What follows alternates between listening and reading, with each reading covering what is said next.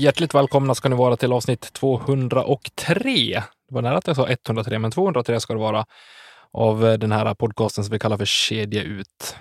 Hur är läget med dig, Nicke? Det är bra. Jag har varit och hämtat hem släpvagnen.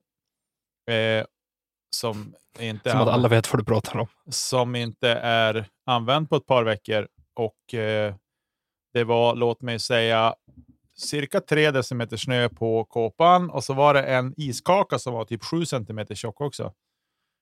Eh, så det var lite, jag tänkte, ja, men jag far bara kör, då kommer det att blåsa av. Men riktigt så var det inte upptäckte jag när jag kom hem. Eh, så det är det jag har grejat med nu här innan, eftermiddagen och innan det här. Eh, men det är bra med mig. Jag är eh, eh, laddad till tusen för det här avsnittet ska jag säga. Hur, hur, är, det, hur är läget med dig?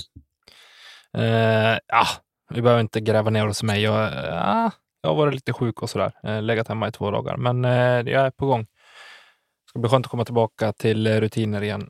Så säger jag alltid, jag säger, snackar alltid om rutiner. Och de här jävla rutinerna, de sitter aldrig ändå. Men eh, jag tänker så här att vi ska börja med att tacka för eh, alla fina ord efter treårsavsnittet. Nu har vi funnits i tre år och lyssnarna har varit med oss länge, nästan lika länge. Många av dem i alla fall, eh, vilket känns jättekul. Och eh, vad som känns mindre roligt är väl egentligen att vi eh, igår fick vi gå ut med information att Elina kommer att eh, kliva av. Mm. och för att förtydliga så kommer hon att kliva på ett annat uppdrag här som förhoppningsvis kommer att annonseras under dagen när ni hör det här. Och jag önskar henne lycka till med, med det. Så får vi se. Vi har ju klarat oss bra ändå, du och jag, Nicke. Ja, jo, eh, det har vi ju. Men vi har ju ändå någonstans... Lätt skakig i rösten. det har vi ändå någonstans ändå. Vi har ändå gått och hoppats lite och längtat efter att Elina skulle komma tillbaka. Så hon var ju tillbaka Verkligen. gästspelade här lite grann. Eh, och så. Men nu dök den här möjligheten, möjligheten upp för henne och eh, man, ska, man ska gå på det man, man känner är rätt och vad, vad, liksom, vad hjärtat säger och allt sånt. Eh, så att vi önskar henne stort lycka till och backar henne till 100 procent. Inget, inget annat än så. Det är inga hard feelings eller något. Det är, Verkligen inte. Det är inte som när Foundation Disc Golf eh, hade någon hiccup, breakup där för några år sedan. Vilket av dem? Ja, Precis, vilket av dem? Nej, men stycken. Det som var i samband med att vi startade i princip kan vi säga. Ja, det är väl så. Hur som helst så kan vi väl bara säga att då har vi valt att ta in en gäst idag istället. Årets första gäst. Välkommen tillbaka till Kedja ut, Jonas Engstrand. Ja, tackar, tackar. Årets första gäst. Var inte Mattias med först? Nej. Nej, det var han inte. Det var sist kanske. Mm. Vi har inte haft någon gäst i år med. Inte vad jag vet, inte vad jag minns. Nej. Nej. Men, men, Nej, Mattias men... var det väl ett tag sedan han klev in. Han kanske var inne och sa hej i något avsnitt här när Lina var med, men jag tror inte att... Uh, nej. Inte under inspelning tror jag. Nej, inte under inspelning. Nej, det är bra. Ja, jag var ju först förra året också sa du ju Tommy, men det stämde ju absolut inte. Nej, det kanske inte var. När vi satt och grävde igenom förra året gäster så var det mm det gick lite fort här och var. Ja. Men så är det när man inte är förberedd. Hur är läget med dig? Jo, det är bra. Absolut. Jag har lite träningsverk efter eh, putträning igår. Eh, två timmar på en tennisplan inomhus. Som, det var ju skönt. Nej, men, alltså, det... Har du träningsverk efter att ha puttat? Ja. Är det så när man parkerar hela tiden? Då behöver man inte putta. Så Nej, då... Nej, men det kanske är så när man är 41 år gammal. gammal man. Nej, men det känns lite i bröstmusklerna när man står. För vi, jag, jag brukar ju ta tag i det och sen köra lite olika övningar. Och igår hade vi då en övning där man skulle gå över ett hinder. Eh, och ganska, att korgen stod ganska direkt bakom. Och det är en lite annorlunda putt. Det är en lite sån här loftputt. Så det är mycket att hålla på med. Men två timmar puttning, det tar. Står du och tränar olika typer av puttar här också eller olika tekniker? Eller hur lägger du upp det? Mm, vi brukar köra, ja, men vi, vi är ju ganska många så jag försöker göra, vi har tre korgar eller fyra. Eh, och när vi har korgarna så brukar jag göra lite program så att vi gör samma sak i varje korg. Men eh, det kan vara att vi olika stance och det kan vara olika längder, att vi kör lite poängsystem och att man eh, ja, kör lite hinder i vägen, lite unheiser, lite heiserputt och ja, så kommer ju Anders och Jonas och då är det liksom en glipa på två centimeter man ska komma igenom och lite sånt där.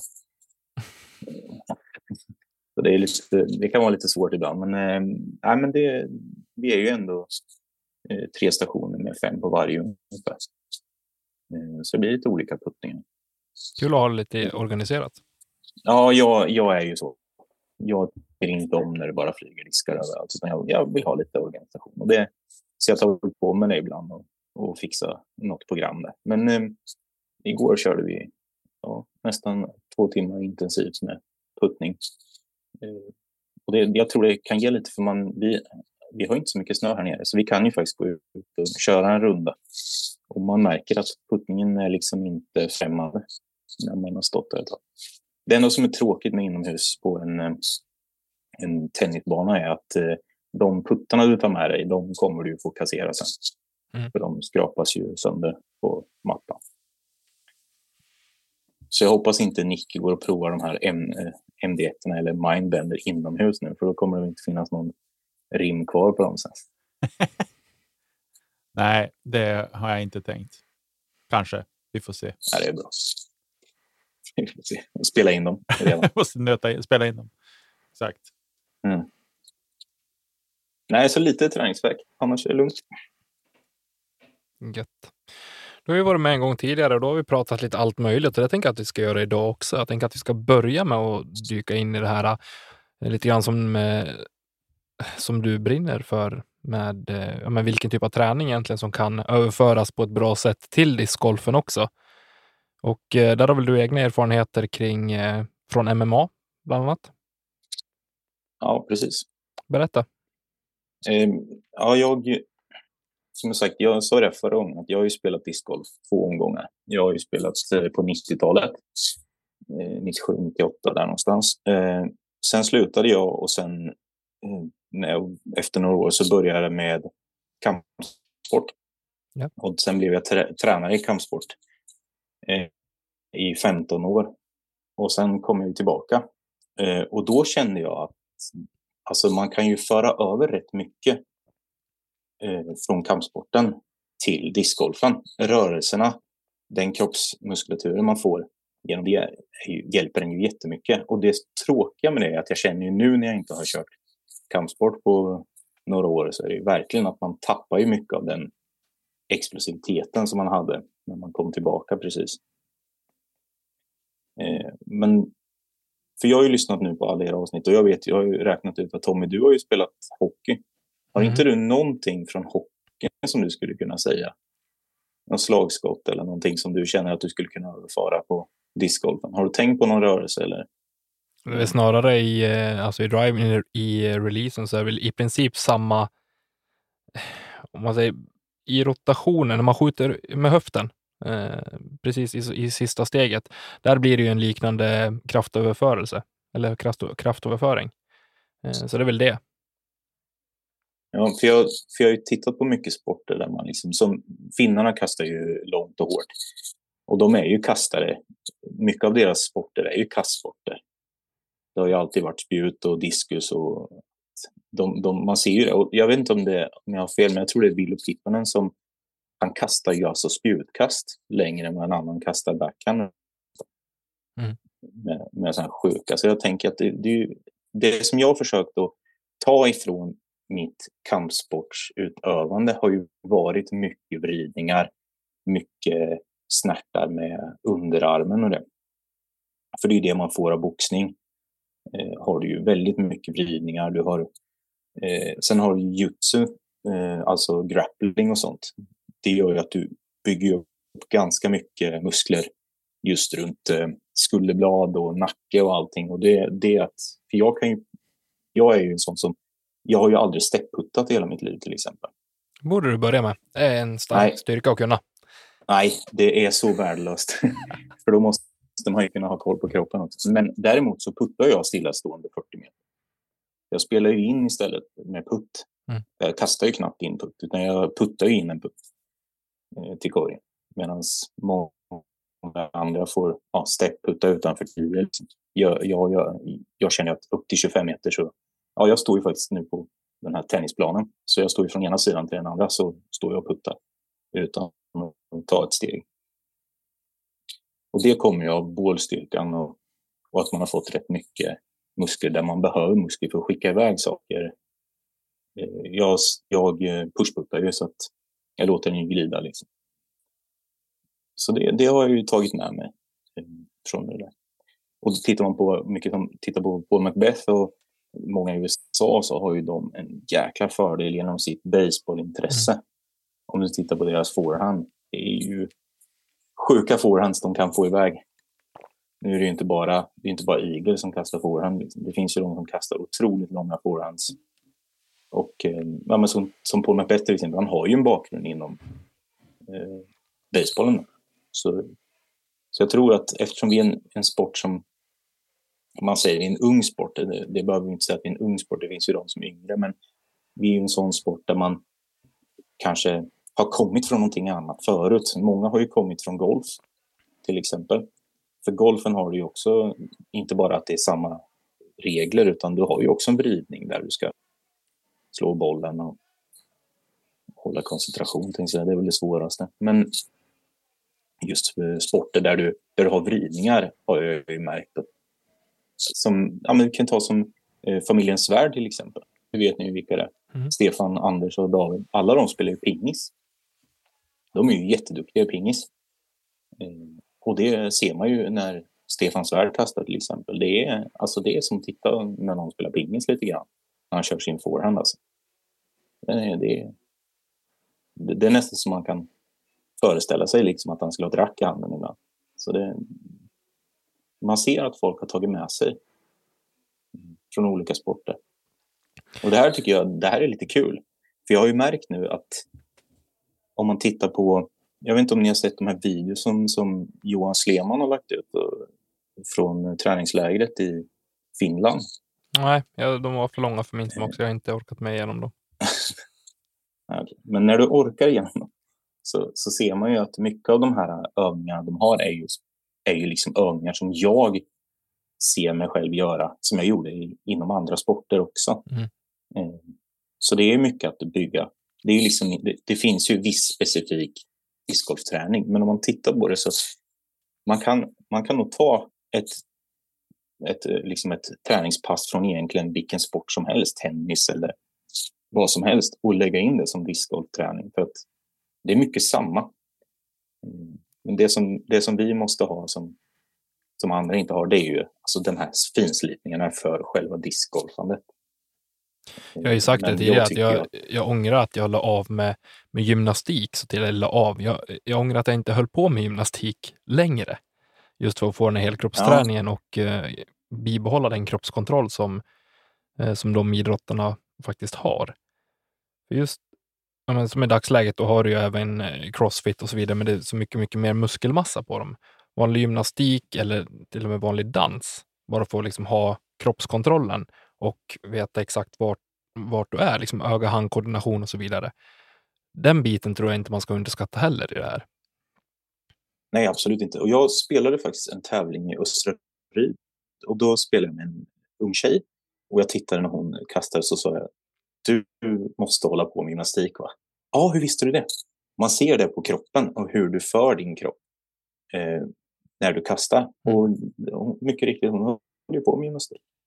Eh, så, så man, man kan nästan läsa av lite vad en del har i bakgrunden. Så.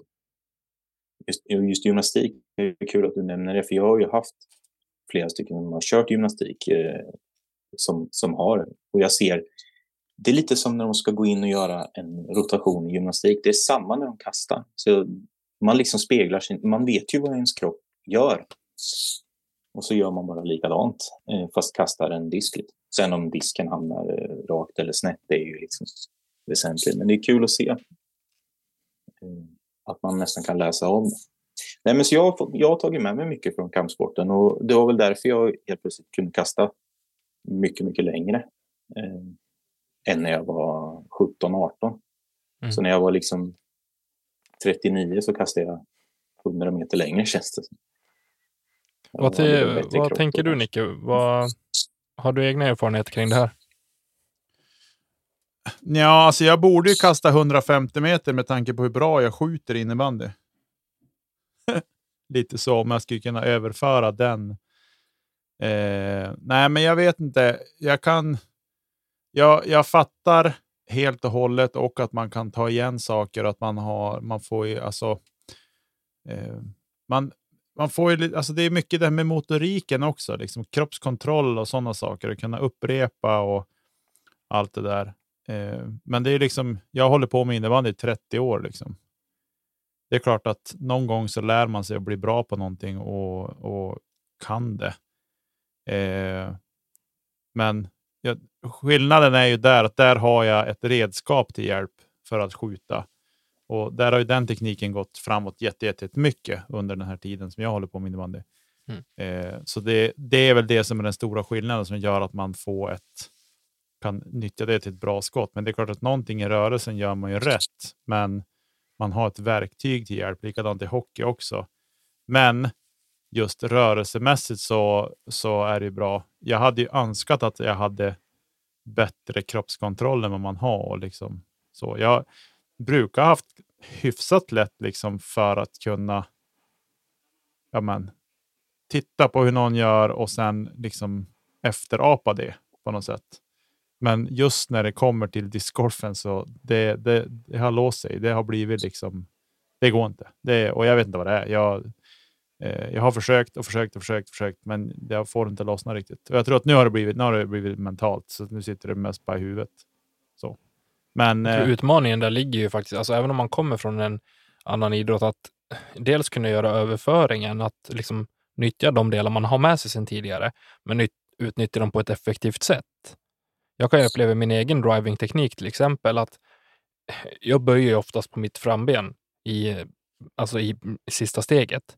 Att det inte är helt rakt, så jag får inte det här poppet i knät som jag gärna vill ha om man kollar på spelare som är väldigt explosiva i sin kastning. Så där är det mer ett, liksom ett, ett hockeyslagskott i princip. Man, mm. blir, man blir lite mer kompakt, lite mer ihopsjunken så. Medan kanske egentligen vill kunna använda grundtekniken i det, men få iväg ja, men det sista poppet för att bli mer explosiv i det hela. Istället för att liksom fullfölja ett slagskott så vill jag liksom följa med kraften hela vägen ut för att det blir en lite längre rörelse inom discgolfen. Ja, eh, och det är intressant nu, för jag sitter och tänker på det nu när du säger just det där. Mm. Så tänker jag att mitt problem som jag har haft med att jag öppnar upp höfterna lite för mycket och hela det, det kommer ju av innebandyn. Nu när jag tänker på det. Vilket är lite lustigt att det kommer fram. Alltså, nu liksom när jag verkligen tänker efter. Att det, för det har ju varit mitt största, absolut största problem. Att jag har blivit Charlie Chaplin liksom i, i sista steget. Och ja, ni som är för unga och inte vet vem Charlie Chaplin är, googla lite så då fattar ni vem han är och hur han såg ut. Eh, men eh, så att ja, intressant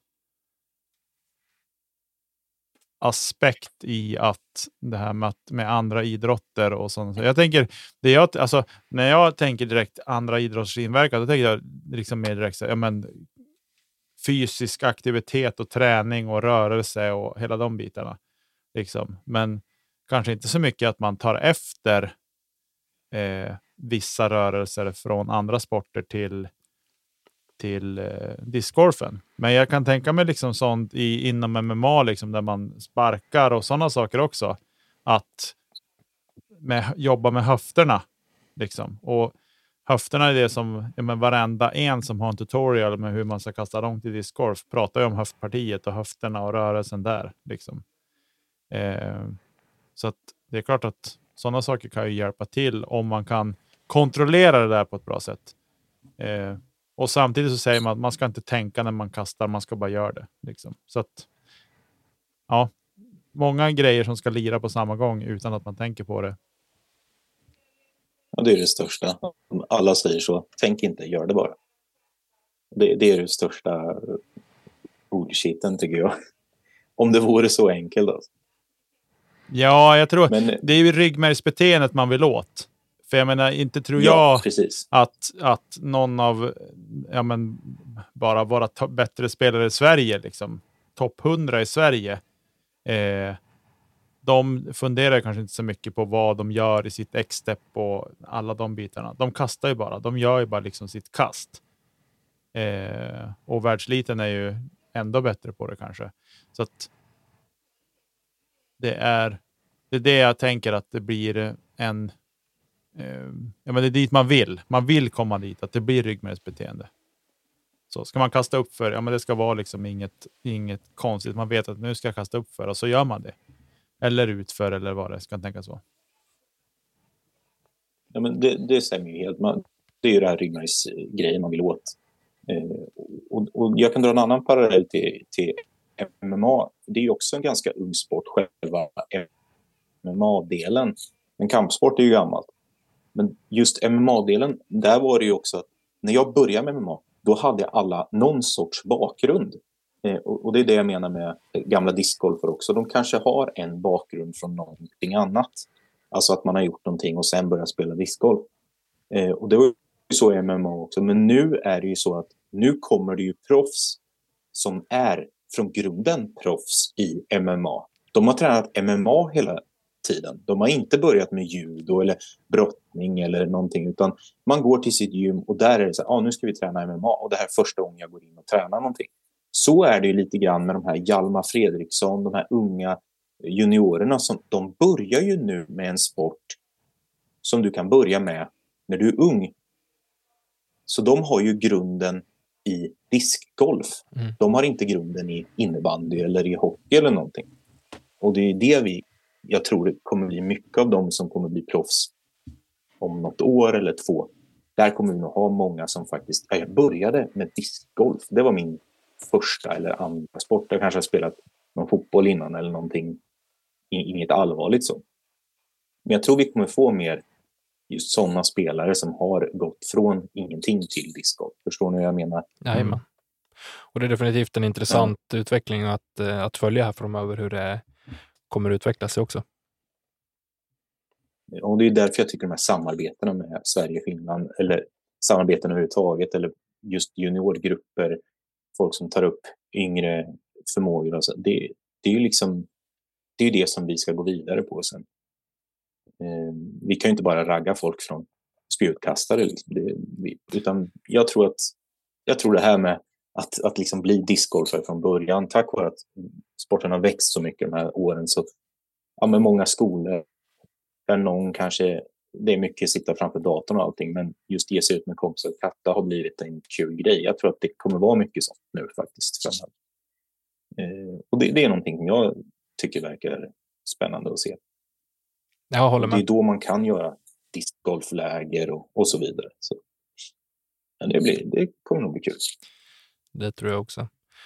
Jag tänker att vi ska hoppa vidare lite grann och prata lite grann om eh, det som komma skall här i eh, den svenska säsongstarten när vi ska spela nationella touren, deltävling 1 i just eh, Västervik. Och så får vi väl passa på att säga grattis till Västerviks discgolfklubb som fyller 30 år i år. Ja, det var kul. Ehm, Flickvännen sitter ju i, i styrelsen nu i Västerviks disco och hon kom hem och sa det att du vet att vi fyller 30 va? Nej, inte en aning. jag var inte riktigt med 93 liksom. Mm. Men jag frågade faktiskt eh, Anders Svärd, bara för att dra en kort. Jag frågade faktiskt honom, hur, hur startade vi liksom? Hur blev det? Eh, och då sa han att det, det startade ju på Jenny då.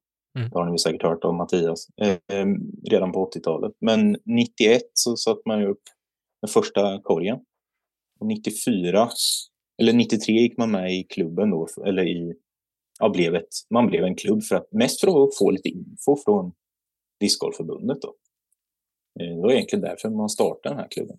Men 94 så hade vi ju 12 hål på Jenny och eh, 95 18 hål. Så 1995 hade vi Jennys 18-hålsbana eh, som har utvecklats sedan dess då. Fram och tillbaka. För när jag kom tillbaka och spelade första gången på Jenny så kände jag inte igen den. Utan det var nya hål och det var hål som hade vänt på allt möjligt. Så det har hänt mycket på 30 år. Och sen fick vi Alviken som, som plåster på såret för att de skulle lägga ner Jenny. Eh, kan man väl säga lite grann. Eh, och den har ju fortfarande utvecklats. Och det kommer vi prata mer om nu då. Ni vill prata NT nu. Det vill vi absolut göra. Ja, det ska vi göra. Det var väl senast det var en stor tävling eh, på i Västervik eh, som var nationell i alla fall, var väl 2001 va? Under SM. Mm. Nickes favoritmästerskap, värdemässigt i alla fall. Nej, 2021. 2021 Inte- var inte ett, ett väderår i Västervik på, på en nationell tävling. Kan väl konstatera. Eh, det, det har vi nämnt förr och vi behöver inte prata mer om det nu. Men eh, kul ändå att en NT får göra entré på Alviken, på fina Alviken. Ja, men det, det känns som att nu ska vi få lite revansch. Jag hoppas inte det regnar bara den här gången också. Det vore ju för trist alltså. Men eh, vi håller på att göra om banan lite. Eh, vi har ju många eldsjälar som liksom vill Eh, att, ja, men vi vill utveckla banan hela tiden. Vi har ju tre tis. Nu får vi ju snart faktiskt en tid till eh, som blir en tävlingsslinga. Där vi nu lite svagt har kallat för svart tid där vi förlänger hål och gör eh, ja, ganska stor skillnad på många hål, eller på några hål. Mm. Där det liksom, ja, vi snackar, nu snackar vi alltså, det är långt. Ett par sex och så vidare. Det blir, blir lite maffigt, men det här kommer ju vara en slinga som är mest tävlingsslinga. Eh, och paret på NT kommer ligga på 66. Bland de högre parsättningarna på en bana i Sverige va? Ja, eh, och då är det ju, vi kommer ju även lägga en, eh, ja men, kan man säga en tjejslinga eller en damti. Eh, Just lite mer anpassad då för, eh, för det är ju den som är skillnaden. Att det är ju lite skillnad på kast och längd. Så vi håller på att ta, ta fram en eh, damslinga också. Mm, som ja, som ska göra. Nu är det ju så att man spelar ju bara en runda per dag, så vi hoppas ju att det här med tid och mörker och sånt inte blir en faktor i år. Just på grund av att det är ju tre dagars då. Mm. Så och då tycker man ju att man ska ju få liksom, man ska få vara ute och kasta, men det ska inte gå på en timme och sen får man gå och vänta till dagen efter, utan det ska vara, det ska vara kasta den här dagen som gäller liksom. Och det, det ska inte gå, det ska inte gå för fort. Eh, för så känner jag ibland när man, när man åker på en tävling, det var tre dagars, att det känns som att det är över så fort ifall det är liksom en kortbana och man tänker oj, nu, är det- nu är det inte förrän imorgon jag ska spela nästa. Och man vill inte gå ett varv till för man känner att Nej, men jag vill inte göra slut på någonting eller att man kanske går till något hål. Men, men jag, jag tycker att om vi har lagt upp att vi ska ha tre dagar så då ska man, då ska man få spela tycker jag. Absolut, men jag håller med. Jag vet inte vad ni tycker om det. Jag har ju personligen väldigt mycket tryckt på det här med att vi ska ha tre dagars och ett varv per dag och så vidare. Men också varit väldigt noga med att det ska vara på den högsta nivån, vilket det också är här när vi, spel, när vi spelar NT. Eller det ska vara högsta nivån i alla fall. Eh, Medan jag under förra året och nu även har liksom börjat se skärmen i det här med att faktiskt spela de här lokala seaters när det är två runder på en dag. Så det finns ju fördelar med båda, men jag tycker att ska vi liksom ha högsta nivå på spelet, ja, men då behöver vi ha åtminstone tre dagars tävlingar med en runda per dag. Just för att kunna hålla kvaliteten rakt genom hela tävlingen. Ja, och det var ju så vi tänkte när vi tänkte att vi gör att eh, MPO högst ratade ska alltså inte spela från eh, den, eh, en vanlig slinga utan det ska vara lite mer just för att få den här att det, det ska spelas. Det ska vara en utmaning att gå en, en NT. Det ska vara som de gjorde i Helsingborg. De gjorde ju om banan och, tills vi kom och spelade Mm. på NT. Den ser ju inte ut så eh, om man säger hela tiden. Vilket jag tycker är kul för att ja, det, det gör lite mer. Det gör att det blir lite annorlunda. Det blir lite mer spännande. Det är klart att det kan vara jobbigt utslagsgivande när man, om man hamnar på fel sida om man säger. Men, nej, men det, ska vara, som sagt, det ska vara lite svårare tycker jag. Och den här svart slinga är ju inget som kommer spelas på en vanlig CTR lokalt sen. Utan det är ju större tävlingar. Då bäddar man ju också för, det för framtiden att kunna arrangera större tävlingar även i framtiden också. Då. Ja, precis. Eh, Det som vi har lite problem med i Alviken är att vi har ju inte el och vatten. Utan vi skulle, få, vi skulle vilja få ner det eh, om kommunen vill hjälpa till med sånt. Men det är svårt för det ligger en, ett järnvägsspår precis bredvid banan. Så det är svårt att dra ner sånt. Mm. Eh, och i, våran, eh, i vårt kontrakt eh, på eh, marken så står det att vi inte heller får bygga någonting eh, permanent. Så att vi har lite, lite sånt. Men vi, vi, vi, vi har ju liksom försökt att få till, så vi kommer försöka att få till en, en eh, lounge vid ettan till exempel så att folk kan titta och lite Eh, platser och så. Eh, så att det, det, ska, det ska vara bra för alla. Du ska inte behöva, om du inte orkar ska du inte behöva gå runt med, med en grupp utan du ska kunna stå ganska centralt på banan och se ganska mycket discgolf. Vi har ju några långa hål där det är ganska öppet, där man kan se mycket spelare samtidigt om man säger. Så vi ska försöka att fixa och vi har röjt och vi har tagit ner lite kullar. Och vi har haft en grävmaskin som har Eh, röjt och förlängt och tagit bort stora stenar och vi kommer fortsätta med det. Och försöka bygga mer TIS nu så fort som möjligt. Så ja, men vi preppar för det som sagt, det kanske inte stannar på NT för oss, utan vi vill arrangera större också. Så man får väl hoppas att någon Eurotour eller något kanske går här till slut. Men det är det vi siktar på i alla fall. Hur många av hålen eh, kommer att göras om till eh, betydligt mycket tuffare, alltså till svart slinga tänker jag på. Är det alla eller är det en handfull eller hur många är det ungefär? Ja, nej, nej det är inte alla. Eh, det är inte alla. Eh, utan jag tror att det handlar, jag kan inte säga, det beror ju på hur mycket vi hinner med. Jag kan inte lova någonting, men jag tror vi har fyra, sju, 18. Mm, 18 kommer bli längre. Den är ju redan lång.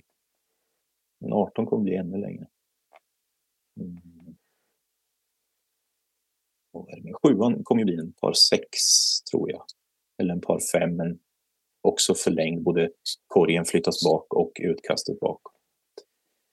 Mm. Ja, jag kom, sen är det 15 håller vi på att fundera på också.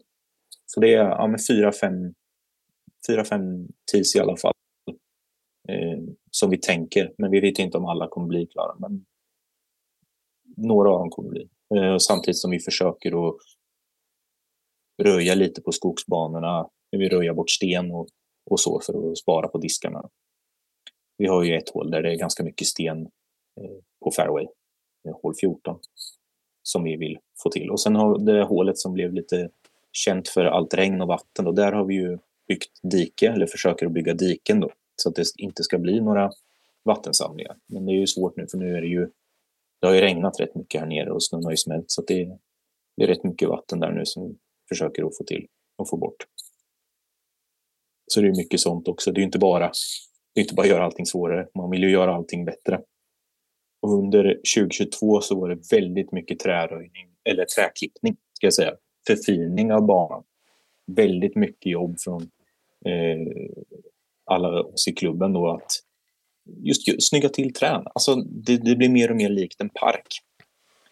Eh, på så sätt att man klipper träden upp till kronan och så vidare. Jag, jag tycker att sånt, sånt ska inte negligeras. Det, det, ska se bra ut när man kommer. Mm, det ska vara inbjudande. Så mycket sånt har vi ju kämpat med också. Och gjort trean två träd lättare till och med. Och två träd lättare låter inte mycket, men det, det är en ganska stor lucka. är det så ni mäter svårigheten på hålen i Västervik? Trä, antal träd på fairway? Ja, precis. Eh, vi öppnade upp eh, trean, två träd som sagt, två stora tallar som stod. Eh, eh, vi tyckte att det, det, liksom, det var lite för mycket lott och kanske ingen direkt linje. Eller bara, ja. Det, det, det, är ju så, det är ju så med träd som har stått i 70 år. Det är ju inte så att man liksom sågar ner ett och kommer på att det här var nog inte så bra, vi sätter tillbaka det igen. Eh, det är därför det, banor ska inte röjas för snabbt. Utan man måste liksom jobba in och hitta allting, mm. tycker jag. Och det tycker nog många med mig också. Jag, jag vet att det här är ju någonting som pratas om förr. Ta för mycket är ju dumt. Eh, men som sagt, Alviken utvecklas hela tiden. Med tanke på att Jenny då startade 94 eller redan på 80-talet, men första korgarna kom första 12-årsbanan 94. Så det är ju några år som vi har liksom jobbat med den också. Och tweakat och flyttat OB och saker och ting växer ju upp också. Så vissa ställen på Jenny där vi har haft OB, där har vi tagit bort OB nu för att där har det ju växt upp en skog. Mm. Där har det växt upp eh, träd. Mm. Så känner vi att då blir man dubbelt bestraffad. Så då bytte vi och tog bort OB och att här är det redan bestraffning. Borde man hamnar. Det är ganska ödmjukt att kunna tänka så också och göra den grejen när man verkligen ser att nu har du vuxit upp. Vi behöver inte den här OB-linjen för att det blir tillräckligt med bestraffning om du ligger ute i skiten. Jag tycker att det är väldigt, det är ja. ett ödmjukt sätt att tänka på utifrån en ögon från en barndesigner. Ja, och vi har ju ändå, vi har ju det som är, eller fyra som går och tittar på banan väldigt mycket. Det är ju Stefan, Anders, Jonas Elvrad och David Svärd. Och de, vi är ju en barngrupp. Jag är också med i barngruppen, men där har man ju tre stycken som har ögon för det här och de har ju liksom suttit i styrelsen sedan dag ett och suttit och hållit på med de här banorna sedan 90, 90-talet och det gör ju att man, man litar lite grann på allt de säger. Kanske är både ont och, och gott, men när vi har sett hur resultatet på banorna och, och, och tipsen som de har gett till andra banläger, då det är oerhört häftigt att se eh, hur banorna växer fram i deras huvud. För, för jag gick med en gång och så sa vi att vi ska kolla upp ett hål till. Då gick jag med Jonas Hellblad och han hittade tre hål och jag bara tittade in i skogen och sa, vad, vad är det du ser? Men, men när man liksom tänker och ser, bara, ja men du har ju rätt. Det funkar ju faktiskt, det, det ser ju bra ut. Anders också. Han är, bara kommer och säger, men här nere skulle vi kunna ha ett hål. Så det, det är väldigt mycket eh, erfarenhet som flyger runt där. Mm. Det är kanske därför som Västervik har just arrangerat mycket tävlingar med åren. Det har varit mycket liksom, runt Västervik discgolf.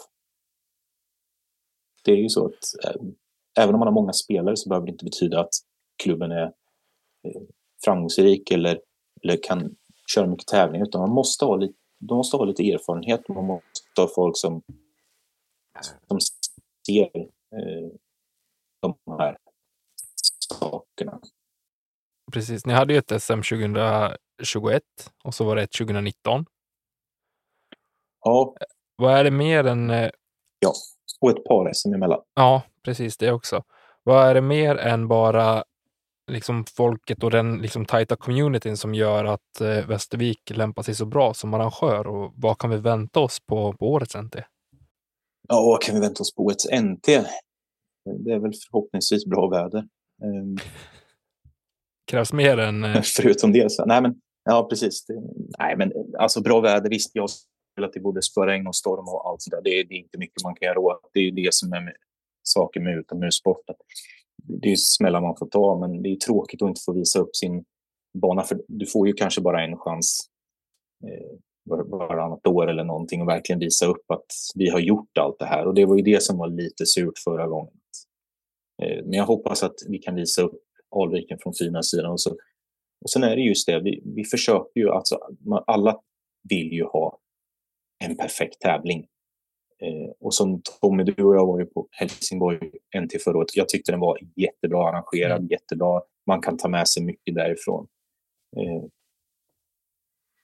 det som var är lite jobbigt på vissa ställen är ju just tillgången till ranch eller eh, styra upp med korgar och så vidare. Men vi har ju en stor ranch. Det, det enda som är lite jobbigt är ju då att vi har ett tågspår som går bredvid ranchen det, det får man ju ta Eh, säkerhet före.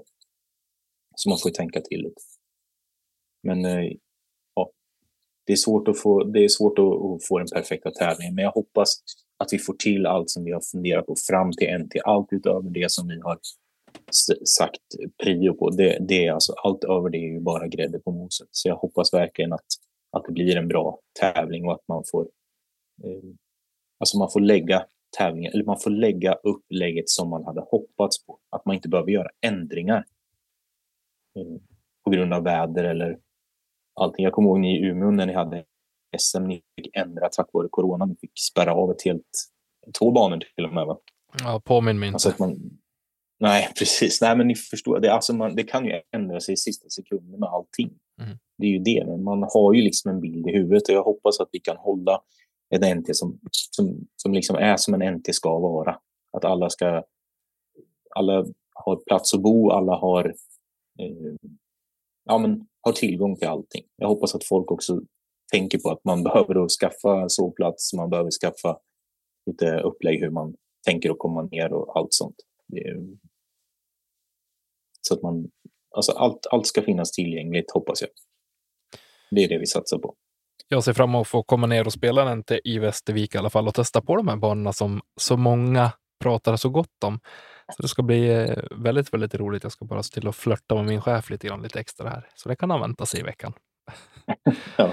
ja, men det, det, blir kul. Det blir kul om ni kommer ner. Ska du komma ner, Nicke? Har du funderat på det? Jag har funderat på det. Jag har inte bestämt mig. Vi får se lite grann hur, hur landet ligger där och då och vad som händer. Jag, jag har nog inte tänkt vara med och spela, men, men eh, eh, jag kanske åker ner ändå. Jag tycker att det är roligt och en sån där resa så, så jag åker gärna till Västervik igen. Det var trevligt sist och det var ändå hyfsat smidigt att ta sig ner med tåg. Så att ja. eh, jag tänker nog att det är nog inte helt omöjligt att jag hakar på och kan gå med på någon träningsrunda och vara lite narr emellanåt och så kanske Kaddi, Kaddi till Tommy. Det kan han behöva. Det kan han behöva. Jag blir lite glad i själen också när jag hör han prata om det här. För jag, ja. Det är fina stunder. Ja, men det vore jättekul om ni kom ner. Då får vi gå och träna lite tillsammans. Mm. Jag tänker att vi ska prata lite grann om en annan fråga som du brinner lite för Jonas. Det är ju vett och etikett kring bana och ranch och tävlingar i stort. Ja, det är värst, värst vad jag brinner för saker. Tommy, jag brinner snart upp. Ehm. Nej, men grejen är så här. Jag, har, jag vet inte om du tänkte på det i NT Helsingborg ehm, när vi kastade på den ranchen eller på fältet där. Eh, jag har varit med om olyckor inom discgolfen. Jag har sett väldigt blodiga saker hända på ranch, rancher. Ehm, och på Helsingborg så står jag och eh, en till från Västervik, Maxi, och kastar. Och sen så ser vi att eh, folk går och plockar upp sina diskar, men de tittar liksom inte. Och vi ser att en disk är på väg, så alla som står och kastar skriker egentligen får. Eh, och högt och tydligt. Och den här personen hör att vi skriker och sätter sig ner, precis som man ska göra. Men reser sig upp och tittar rakt upp i himlen. Eh, vet inte varför eller någonting och lyckas ju då få den rakt på antingen näsan eller överläppen tror jag. Eh, och det, alltså vi höll nog andan allihopa tror jag. För det är så jag tycker det är så läskigt för när en driver är spetsig och när den är på väg ner så är, det gör ont alltså. Eh, jag har fått på armen, jag har fått på benet och bara det gör ont. Och då har jag ändå tagit några smällar i mina dagar. Men just en driver, eh, det är läskigt att se. Det var samma sak när jag började kasta. Då var jag på en tävling i Värnamo. Och ni vet väl vem Jesper, vad heter han, från Skellefteå? Jesper Lundmark. Jesper Lundmark, ja, han har en eh, disk, nu var det ju en driver också, i huvudet på en Västerviksspelare. I ögonbrynet.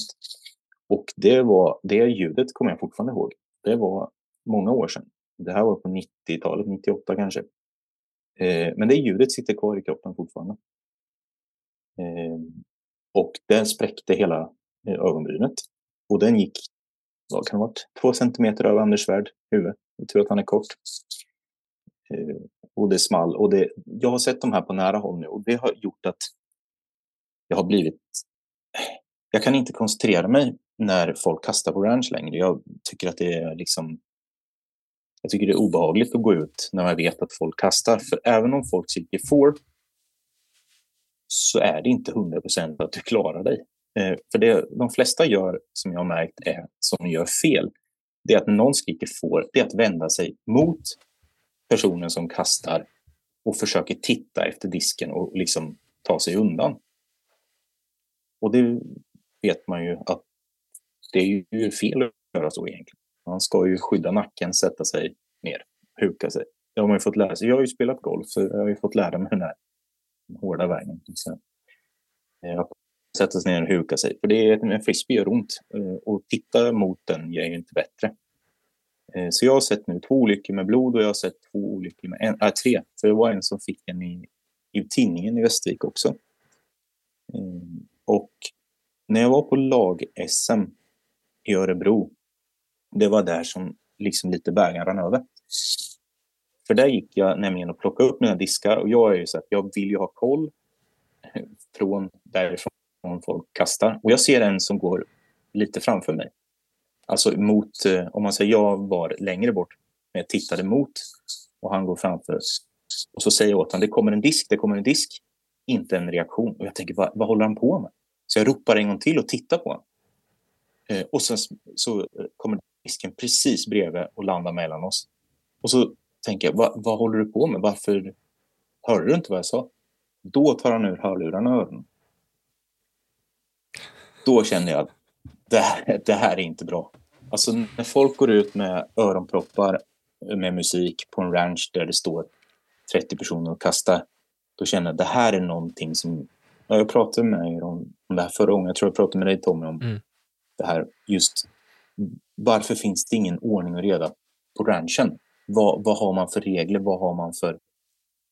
Är det liksom... Ja, är det, du får skylla dig själv eller är det, finns det någon... Har du någon idé vad man skulle kunna göra? Jag har pratat med våran klubb och vi har dividerat fram och tillbaks med tidtagare ur röd och grön flagg. Eh, att man inte får kasta ner rött, att alla ska komma in och så vidare. Är det någon som behöver leta så, så får den personen liksom leta, men då får man ha uppsikt. Och det skulle ta jättelång tid. Men vad, vad, tycker ni om sånt här? För jag som sagt, jag har varit med om några smällar nu och jag tycker det. Jag, tycker jag har ju sett blod eftersom jag har kört MMA. Jag har sett trasiga tår, fingrar och allt möjligt. Men det här är liksom inte samma sak. Det är en skada som inte är förberedd. Förstår ni vad jag menar? Den är liksom... Den kan, den, den kan ju motverkas, tycker jag, om man sköter det här. På ett ganska enkelt vad, vad sätt. tycker ni om sånt här? Okej. Okay. Ja. Vad är, det enkla, vad är det enkla sättet? Eh, jag, tycker, jag har ju varit besökt, eh, eftersom jag varit i Västervik så har jag varit på Alviken och ni har en jättefin driving range. Men det jag tyckte var där under SM var just det här att folk kastade och så kom några upp efter och började kasta när de andra hade börjat gå ut och hämta. Och jag kan tycka att allt för många gick bara rakt ut. Jag kan tycka att ska man gå ut och hämta så kan man gå efter kanterna ut, liksom, så man ändå håller mitten öppen på något sätt. Eh, och sen, jag fattar att man går rakt. Det är enklast att hitta sina diskar då, men eh, att men, för att just slippa olyckorna. För det spelar ingen roll att man skriker får. Det var, det var någon som var otroligt nära att bli träffad då också. Och när någon inte blir träffad, då är det som bara åh, det där var nära, så garvar alla.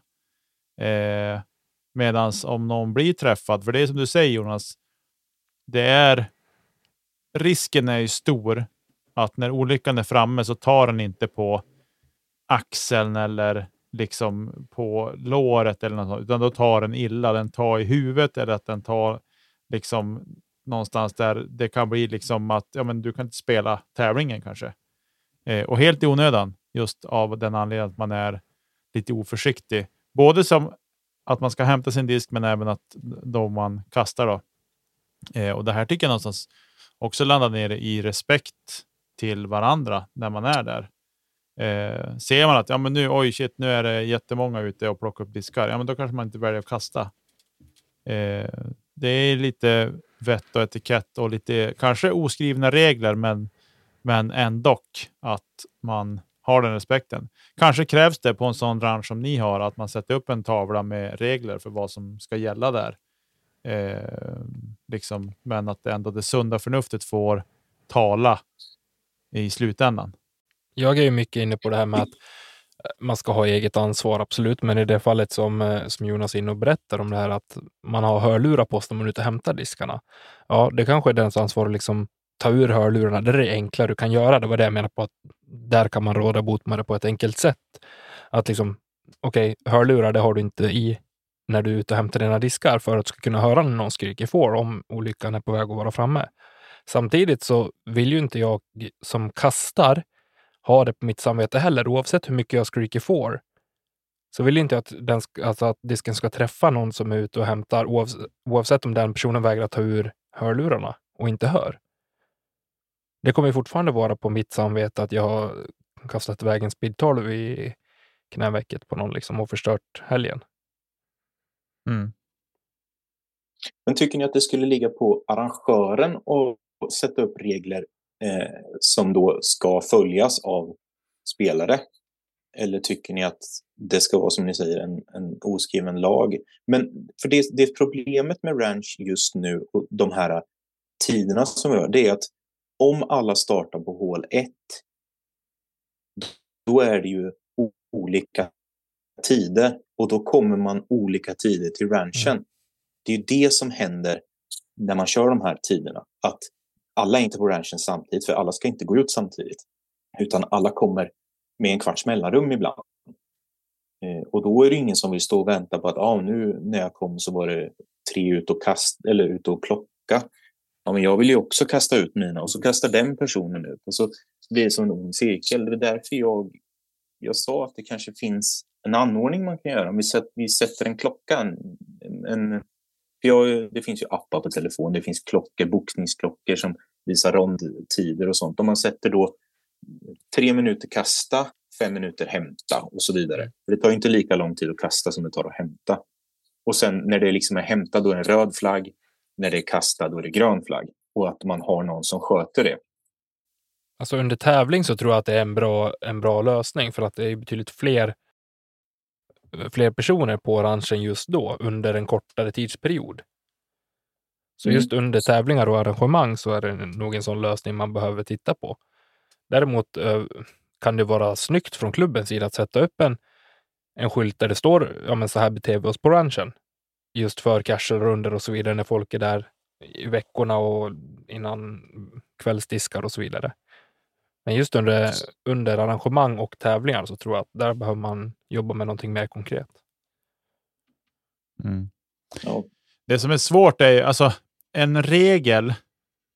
Sätter man upp en, alltså sätter man upp regler för en arrange, då ska det normalt sett också finnas någon typ av bestraffning.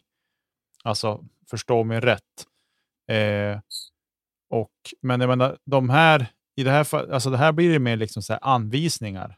Att mm. så här beter vi oss på ranchen. Eh, men tänk på att du går ut dit på egen risk till exempel när det inte är tävling. Men jag tycker det här med klocka och sånt, det tycker jag är en superbra idé eh, för, för tävlingar. För då får du fönster när det är öppet att kasta och då är ingen där ute. Men sen gäller det också liksom när man kastar att man inte är slarvig heller och man tittar vart disken tar vägen eller liksom man står bara mat och diskar och sen ska hämta. Då tar det tio minuter att hämta för att man har spridit diskar över hela fältet. Liksom. Mm. Eh, så att, men en superbra idé tycker jag. Verkligen en superbra idé och någonting att ta till sig utav. Sen är det klart att eh, hur löser man det på enkla sätt? Ja, men man kanske får ha en funktionär där helt enkelt som får, får sköta det där.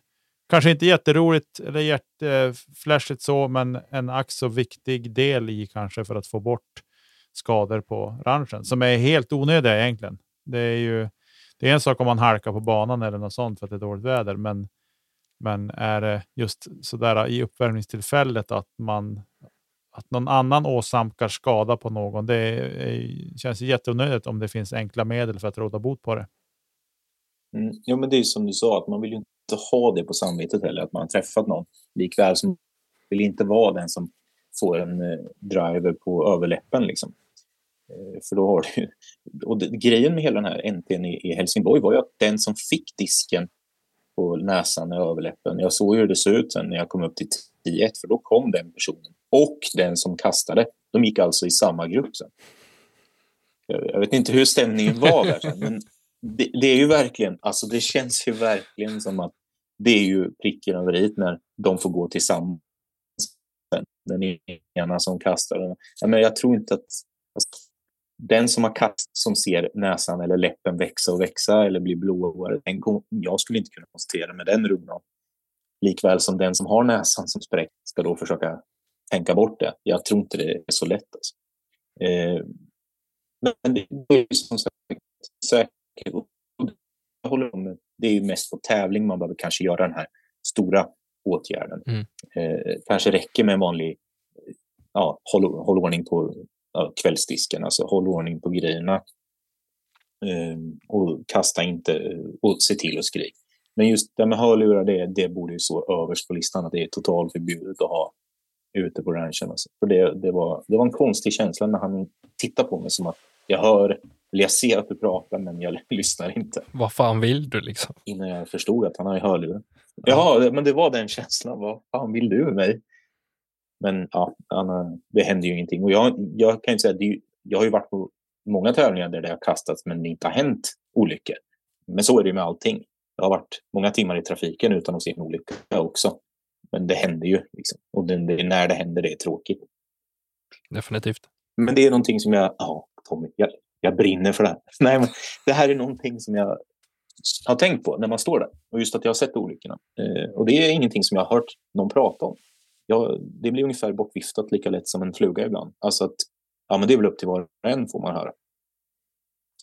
Men nu när det börjar bli mycket folk eh, och mycket nya, mycket alltså olika nivåer på kastning. Man kan inte lita på att någon, bara för att man står på en ranch så kommer man komma exakt där man hade tänkt att komma för det finns inga trän i vägen. Så är det ju inte. Det är på ranchen du måttar ut diskarna och tar i extra och provar och grejer. Så det är ju inte, det är inte hundra vart du kommer varje gång. Men det är någonting som kanske är värt att ta upp och folk får gärna kommentera och säga vad de har för idéer eller vad de har gjort på sina klubbar och så vidare. Det skulle ju vara jättebra. Jag la ut en fråga på vår Instagram här också och liksom frågade kring vett och etikett och fick lite svar där kring lite olika varianter. Inte bara det här med hur man beter sig på ranchen utan um, ja, men vett och etikett i stort. Allt från hur man beter sig på tävling till, ja, till man, hur man gör på banan under cashelrunda. Hur man klär sig va? Vad sa du? Är det hur man klär sig nu, Tommy? Är det hur man klär sig? Det kommer en sån här också. Jajamän. Ska vi börja med den? Börja med den. Uh, vi har en av våra lyssnare som uh, dels skriver att man bör ha kollat det fritt på hålet som man ska spela. Och det är som det är en oskriven regel. Man kastar inte när det är folk på samma fairway eller på det hålet man ska börja spela på. Ja, det, det är ju ganska normalt tänkte jag säga. Men, det, det, men den regeln är ju oftast, det är ju ingen som gäller på den. Det är ingen som kastar ut när de ser att någon har gått 10 meter. Det, det finns folk till allt, Nej, men... Eh, det finns inte. Jo, det finns jag inte. lovar, det finns. Men vi, vi kommer ju inte så där långt. Nej. Precis. Säg det till min vad. Exakt. Sen eh, att man inte ska ha bara överkropp oavsett kön.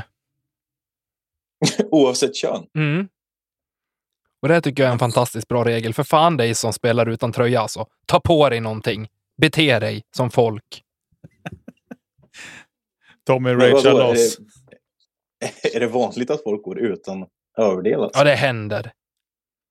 Båda könen? Främst män. Ja, Okej. Okay. Främst män. Så du har sett kvinnor gå med bara överkropp och spela discgolf? Ja, Kanske drömte. inte på banan. Drömte tror jag. Nej, men, men, men skämt åsido. Fan.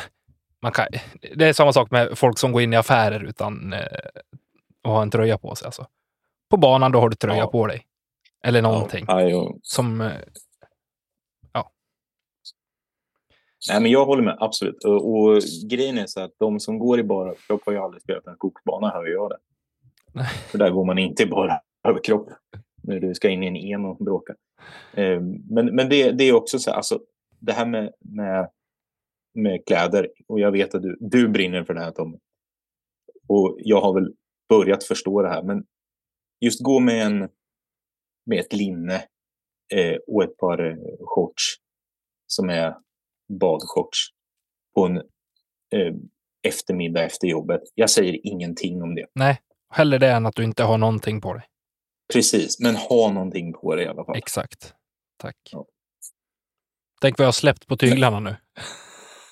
Ja, men på tävling får du absolut inte ha linne och ett par trasiga shorts. Det, det tycker Det- jag är totalt... Det är förbjudet. Det är förbjudet. Så där är vi inne på det med nedskräpning. Vi slänger ju inte burkar efter oss på banan. Har ni sett någon burk någon gång? Det är väl ingen som slänger burkar och skräp och sådär efter sig, eller? Jag har sett någon bana som inte ligger skräp på. Exakt. Så det kan man bara tänka på. Tänka på att vad fan, ser man en burk, plocka upp den. Nu finns det så stora bägar man har med sig, så nu får det plats en extra burk i väskan. Ta med den bara.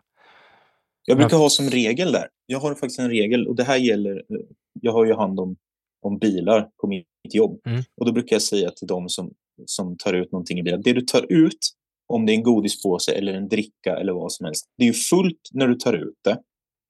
Samma sak i bagen. Det är fullt med dricka när du tar ut den och när du har druckit upp den. Då finns det ingenting att bära på längre än en tunn aluminiumburk. Den måste ju vara li, lite lättare att bära tillbaka.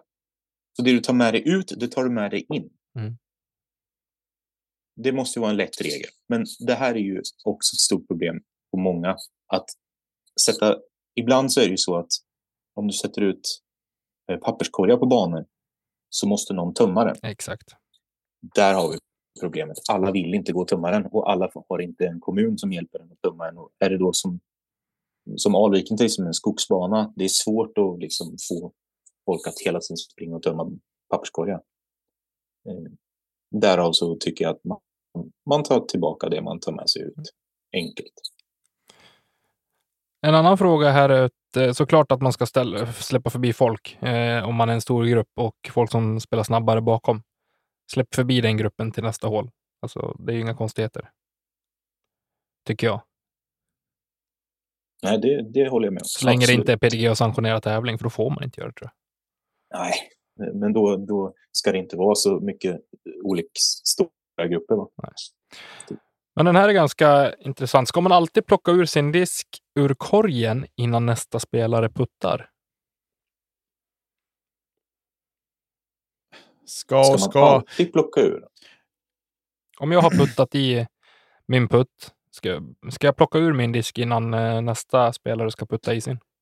Alltså jag tycker det där är en slamkrypare. För det är lite så här, ja men vart ligger jag någonstans för min nästa, för min putt om din disk ligger i korgen? Ligger jag liksom i bullseye, då skiter jag i det.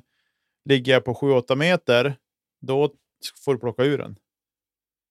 Eh, men för att jag har sett diskar som har varit i, gått ner i korgen men har studsat ur för att de har landat på disken. Kan inte säga om det är på grund av att disken ligger där eller inte, men mest troligt. Så därför tycker jag att när disken kommer med mer kraft in i korgen så tycker jag att då ska det inte vara någonting där, något annat än bara korgen. Så resonerar jag. Jag är inte superkinkig på att den måste ur om jag ligger nära. I alla fall jag. Det är jag personligen. Jag tror att jag kanske inte är ensam om att tycka så. Jag tror på, på tävlingar så är det ju väldigt god kommunikation kring detta eh, i gruppen. I alla fall enligt mina erfarenheter. Att man hela tiden kollar, ska jag plocka ur eller nu går jag fram liksom. Att, eh, där är det sällan några konstigheter. Inte på de tävlingarna jag har spelat det senaste i alla fall. Jag tror att man har eh, lite mer fokus också på tävlingar. Så när man har satt putten går man fram och tar den för man är liksom fokuserad på sitt Ja. spel. Medan på en, eh, en kvällsgolf så kanske man liksom bara, ja men putta nu, det- är nog ingen fara för det är inte lika mycket, precis- alltså det är inte lika farligt om man skulle studsa ur. Eh, Så jag tror att det kan vara så. Men jag brukar, jag brukar köra en markering att jag tar liksom ett kliv fram för att visa att jag går och tar ur den. Och om någon kastar då, då är det lite grann, ja men jag visar att jag skulle gå fram och plocka ur den. Eh, men ligger man som runt bullseye allihopa, då, då tror jag att det är ganska många som bara lägger i den Mm. av rent speed of play. Så. Jo. Men det är klart, när man ace, då orkar man fan inte springa fram. Ta ur den. Nej, den, eh, det hade inte jag heller gjort, tror jag. Det är bara Nicolo Castro som inte, tar det löpet. hade inte. Hade du inte, eller har du inte Tom? Jag har inte, jag kommer aldrig heller. Det här är någonting som inte jag vet vad det är, men den gyllene regeln, vad är det? Ni som är gamla i gamet. Den gyllene regeln, Ja. att bete sig mot andra som man vill att andra ska bete sig mot sig själv. Alltså, Ge och ta alltså. ja, Sunt förnuft.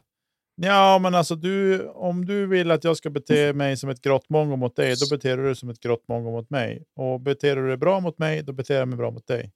Och det är ju den bra sidan man vill ha fram här. Tro inte något annat. Det är inte gråtmongot alltså. Nej. Ja, men king.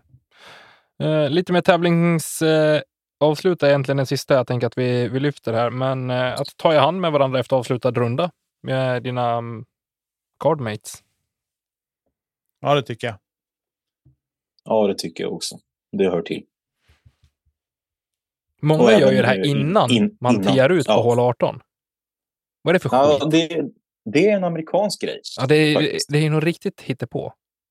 Ja, men det är Amerika, i USA gör man så. Att man liksom eh, tackar innan för att, det, för att om man blir eh, sur eller som ett grått monster så vill man gå och göra det direkt efter 18. Då vill man inte stå kvar och, och liksom hålla minen. Och Därför gör de oftast det i USA. Att man tackar innan eh, man kastar ut på 18. Jag tycker man kan Jag hålla det där två minuter till i alla fall. Ja. Jo, jag, jag spelar med en amerikan och han berättar för mig. För jag frågade också varför kommer att säga det nu, inte klara det. Men då berättade han att det, det är mycket i USA man gör så. Just för att sen kan vi amerikaner gå och sura, sa han faktiskt rakt. Ja, det, det var han, hans egna ord. Han sa att vi är lite kinkigare, kan man, kan man säga. Förstår. Han tycker att vi i Sverige är ganska toleranta och ja, vi blir inte så tjuriga. Jag har aldrig spelat med en amerikan tror jag på samma kort. Alltså som är jätteamerikan. Det hade jag velat göra någon. Ja, den här, ja, den här skulle jag ha spelat med. För han har nämligen bott i Kalifornien och haft alla proffs hemma hos sig. Utom Konrad. Han berättade nästan hela rundan så jag var helt slut i huvudet efter det. Han berättade väldigt mycket. Han var pratglad. Och då, då, då passade vi ihop lite tänkte jag. Mm. Vi pratade nog 18 hål oavbrutet. Är det någon, eh, någon del i spelet kring vett och etikett som vi vill tillägga här innan vi eh, börjar runda av det här avsnittet?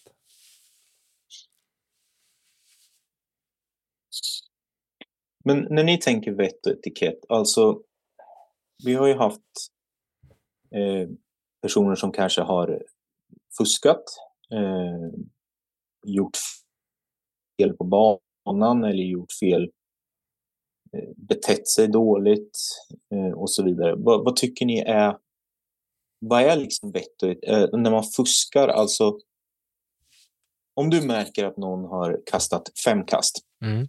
och så säger personen jag fick en fyra. Hur, hur approachar ni det? Om, om, hur skulle ni säga det? Om, om, om ni gick en runda, säger ni snällt ah, men fick du inte en sexa? Eller hur, hur gör ni i sådana lägen? Jag, Jag- brukar bara räkna eller försöka kolla, för jag, jag har ofta så dålig koll också. Det måste jag vara ärlig och erkänna. Jag har så dålig koll på, på andras kast. Och liksom, jag har fullt sjå att hålla koll på hur många kast jag själv har kastat. Eh, inte det att jag inte står och tittar när andra kastar, men det är sen när jag räknar dem. Men Ja. däremot så kan jag liksom börja tänka efter om det är någonting som känns konstigt. Eh, för oftast får jag en magkänsla och då kan man räkna om 1, 2, OB 3, 4, 5 och så kommer man fram till någonting. Eh, Jättesvårt att säga, utan jag har inte varit i en sån situation där det har blivit något tjafs kring det. Liksom. Nej, jag har, nog, jag har varit med om det. Men inte att det har liksom löst sig av att vi har räknat tillsammans, alla i gruppen. Så. Alltså det, och det har varit att man har hajat till. Bara, Nej men vänta nu, det där vart inte rätt. Mm. Eh, och ibland när de hugger till med typ en jättehög siffra så har jag också känt bara, men vänta, stopp och belägg. Nu, det här, nu måste vi backa tillbaka lite. Är du riktigt säker att det vart så många? Alltså, man får en liten magkänsla kring hur det har gått. Eh, sådär. Och framförallt om det är att de har varit inne i snår och grejer på. Liksom. Mm. Eh, då brukar jag haja till om jag upplever att scoren är lite för låg. Eh, sådär. Så det är väl, det är väl liksom så jag reagerar på det i sådana fall.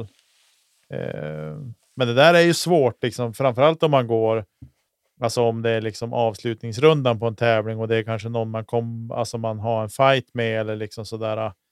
Eh, så jag, just i det läget har jag inte varit med om det, men jag hoppas inte att jag ska behöva uppleva det heller, för det skulle kännas jättejobbigt om man liksom sådär, säger till och så i slutändan på slutet på rundan, ja, då skilde det ett kast.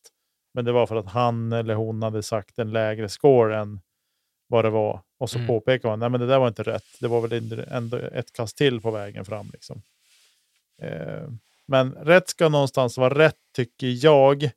Men jag tycker att det är liksom, det är lite, det är också, handlar också liksom om respekt, både mot sina medspelare men även mot sporten totalt sett. Tycker jag att man ska vara noga med hur man, ja men just kring sådana saker, alltså hur man räknar men även liksom alla regler, fotfel, vars man har gått OB, alltså allt sånt tycker jag att man ska vara noga med. Eh, och man är mest rättvis mot sig själv också. Om man är noga med det där. Tycker ni att det kolas för lite i Sverige? Ja. Ja, det tycker jag väl rent spontant. Vi är för snälla både på fotfel och eh, alltså OB, lies efter OB. Eh, bland annat. Tid tycker jag inte är ett problem i Sverige Nej, faktiskt. Det är några sällan. enstaka som jag har varit sådär känt, men då har jag börjat räkna och då blir 30 sekunder ganska långt. Eh, faktiskt. Men, men fotfel tycker jag är någonting som man är för dåliga på att kolla på. Eh, och jag, jag har blivit kollad för det, men jag har inget liksom, problem att ta det. Jag tar det gärna, för jag gillar när man håller efter reglerna. Och jag har gjort fel, då vill jag liksom veta det. Men tycker ni att, alltså när man kollar en, tycker ni att det är jobbigt att kolla en person? Eller tycker ni att, nej men det här är reglerna, så jag har ju regelboken i ryggen? Jag kan tycka att det är jobbigt att approacha den innan man vet om fler har sett det. För någonstans, även om jag såg att det var ett fotfel, så behöver jag ändå ha medhåll från övriga gruppen på det. Och skulle jag inte få det och samtidigt veta att det var fel, nej men då står man där och då kommer man ju dra sig nästa gång också. Tycker ni att man ska ha officials på lead card? Ja, jag tycker man ska ha så många officials det bara går. Kan... Jag på Nu är jag som frågar er frågan. Nej, men alltså kan man, kan man, har man resurser till det och kan, absolut, tveklöst. Eh, med det sagt så tycker jag inte man ska inte prioritera bort andra saker just bara för, för sådana saker. Men jag kan tycka att eh, TDn kan ju med gott samvete gå med ett lead card så länge då man spelar T-Times, tycker jag. Eh, med gott samvete. Och händer det någonting på någon annan del av banan, ja men då får man springa dit. Men att eh, jag tycker ändå någonstans lead card är lead card och det är det liksom där eller chase card det kommer att avgöras och då kan han vara ganska nära emellan dem. Eh, så det tycker jag att Teden kan gott och väl med, eller med gott samvete gå med lead card. Eh, och det har jag gjort när jag har varit TD och haft ett leadcard som har gått. Då har jag gått med dem hela varvet runt. Eh, sen. Dels för att få sitt discgolfer, men även om det är någonting liksom så, så kan man vara där som, som bollplank och stöd i någon diskussion eller liksom behöva ta ett beslut. Nu har jag inte behövt ta något beslut tack och lov, men, men eh, det tycker jag definitivt. Och framförallt på nationella tävlingar så hoppas jag att arrangörerna kommer att kunna ha eh, en aktiv och eh, TD som liksom är beredd att fara runt om det behövs och så, men att den kan även prioritera då. Eh, mm. lead card på en finalrunda till exempel. Ja, men det tycker jag låter bra. Sista frågan. Jag har en fråga till er. Lite kontroversiell. Tycker ni att det är för lite slagsmål på banorna?